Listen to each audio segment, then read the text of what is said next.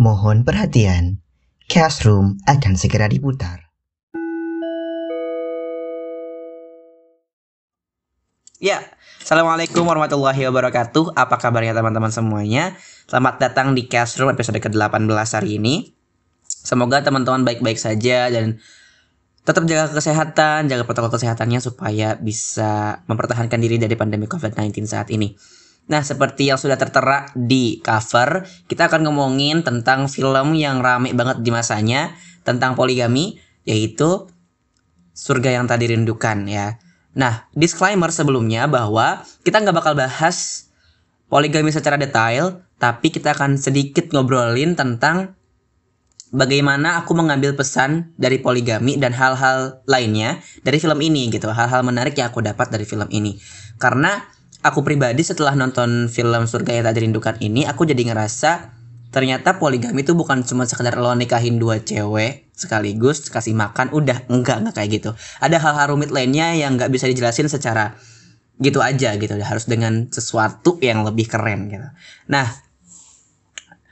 mungkin kita ngomongin filmnya dulu kali ya. Di film ini adalah berkisah tentang sepasang suami istri mereka sudah punya keluarga sudah punya anak gitu ya namanya Mas Pras dan juga Mbak Arini Mas Pras ini adalah seorang arsitek, kerja sebagai arsitek dan Mbak Arini ini suka mendongeng gitu di panti asuhan.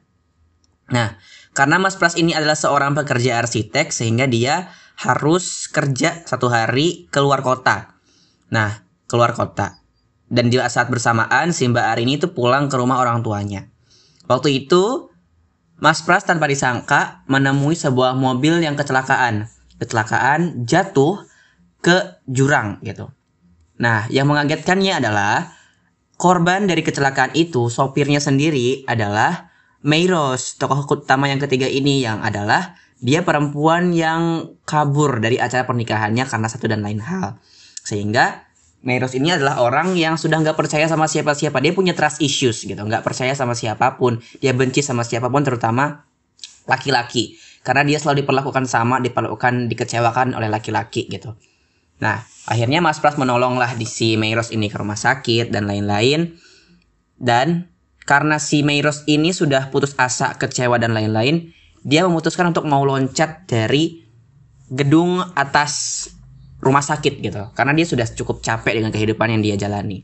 Sampai si Pras ini berusaha menolong dia dan tadi si Meiros ini punya trust issues Sampai akhirnya si Mas Pras ini berusaha untuk mengembalikan kepercayaannya, kepercayaan si Meiros kepada semua orang.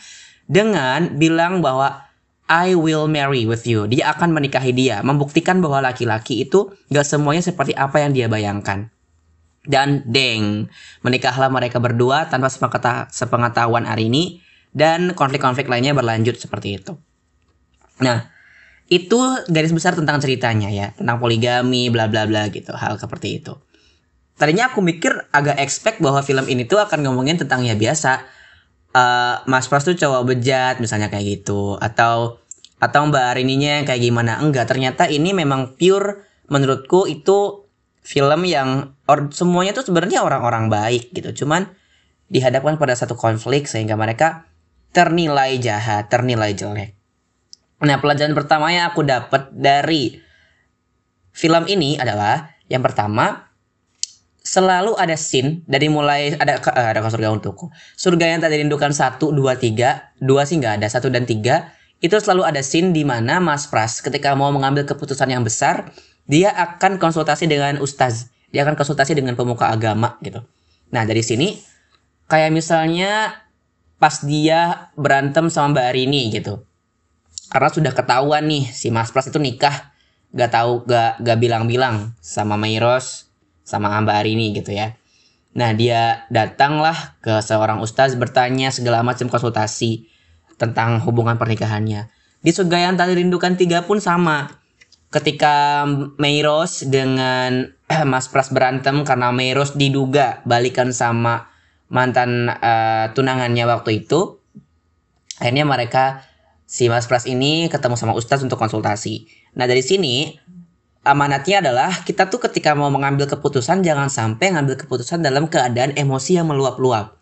Gimana pun kalau kita ngambil keputusan dengan keadaan emosi yang masih naik gitu ya, masih nanjak, itu akan bikin kita beresiko mengambil keputusan yang salah.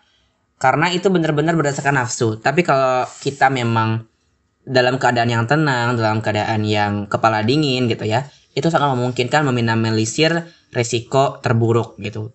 Tapi kalau misalnya kita ternyata nggak bisa nih untuk ngambil keputusan secara tenang, misalnya kita masih emosi gitu, ya kita harus konsultasi kita harus uh, cerita sama orang yang lebih paham cerita sama orang yang dia sudah expert ya kalau misalnya dia nggak expert mungkin dia punya pengalaman dari apa yang sama yang kamu alamin gitu loh. Sehingga ketika kamu konsultasi sama dia kamu nanya ini itu ketika kamu mulai mengambil keputusan kamu kemungkinan untuk mengambil keputusan yang salah itu sangat sedikit.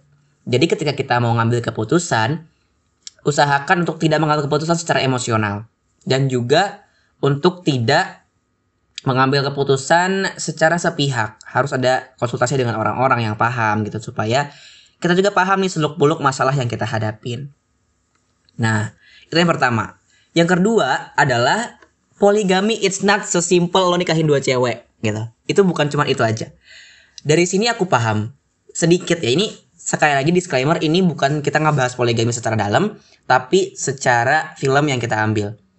Poligami itu bukan urusan kamu nikah sama dua orang, kemudian kamu uh, ngasih makan mereka, mengurusi masalah hajat dunianya aja enggak.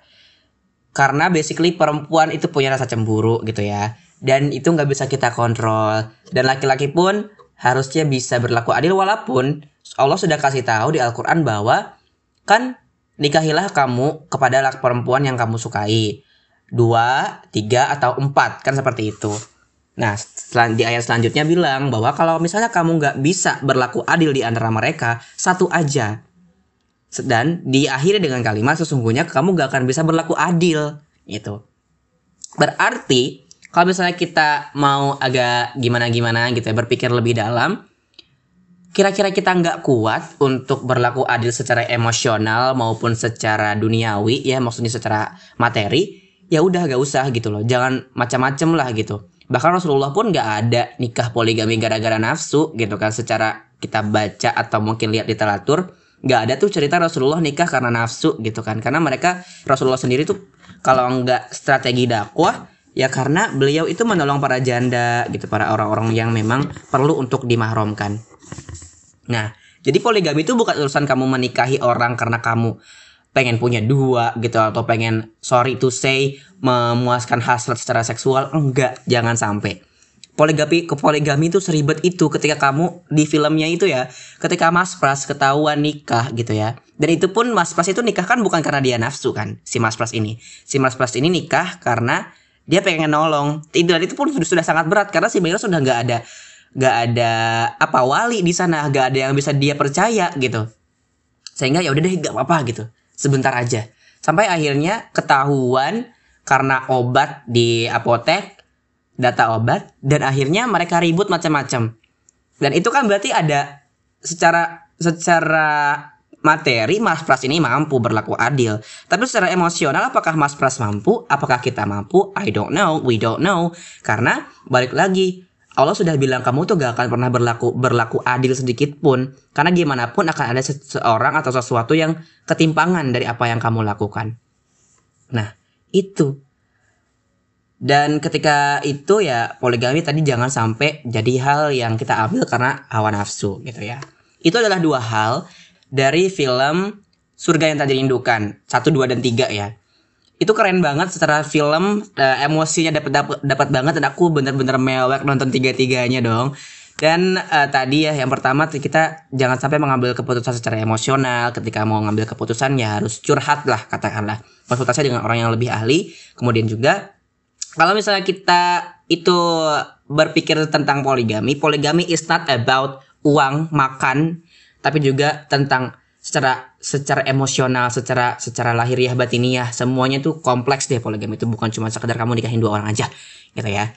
Itu aja episode Castro episode 18 kali ini. Thank you so much buat teman-teman yang sudah dengar. Semoga bermanfaat. Bila taufiq wa hidayah. Wassalamualaikum warahmatullahi wabarakatuh.